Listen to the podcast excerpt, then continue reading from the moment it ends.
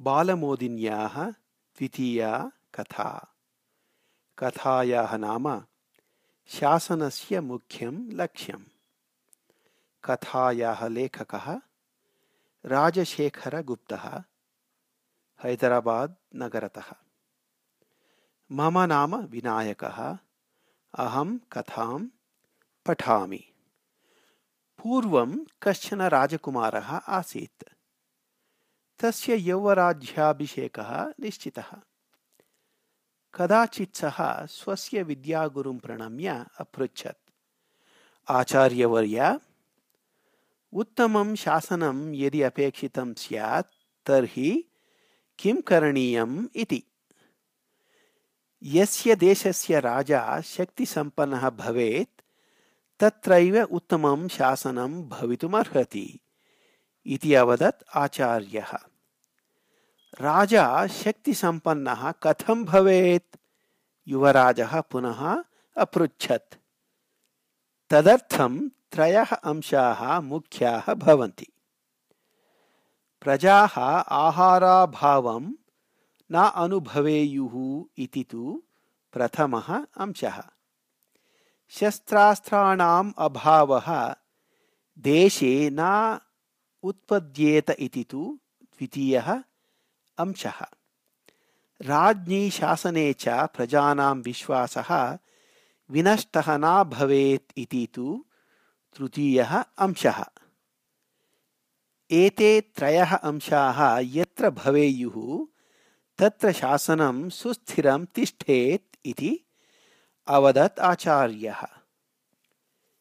एतेषु त्रिषु यदि कोऽपि अंशः परित्यक्तव्यः भवेत्, तर्हि कः अंशः आदौ त्याज्यः? इति अपृच्छत् युवराजः। शस्त्रास्त्राणां सङ्ग्रहः परित्यक्तुं शक्यः इति अवदत् आचार्यः। युवराजः पुनः अपृच्छत्।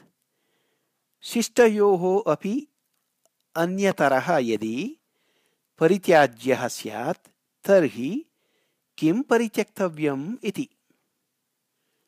तदा आहारसङ्ग्रहः परित्यक्तुं शक्यः, आचार्यः अवदत्।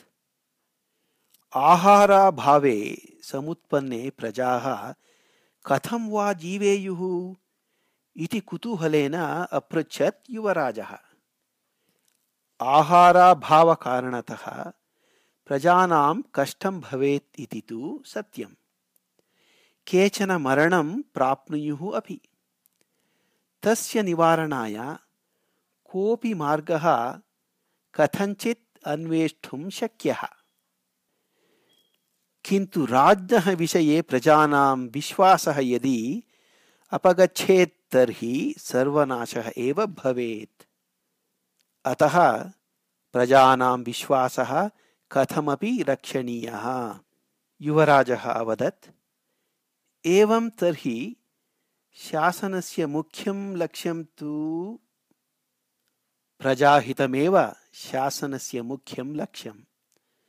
शासनं सर्वदा अपि जनहितसाधकमेव स्यात्। राजत्वम् अधिकारसूचकं पदं न, अपि तु प्रजासेवकत्वसूचकं स्थानम्। इति बोधितवान् आचार्यः। उत्तमस्य बोधनस्य प्राप्त्या सन्तुष्टः युवराजः। आचार्यं भक्त्या प्रणम्य ततः निर्गतवान् स्वकार्याय। समाप्तं। धन्यवादः।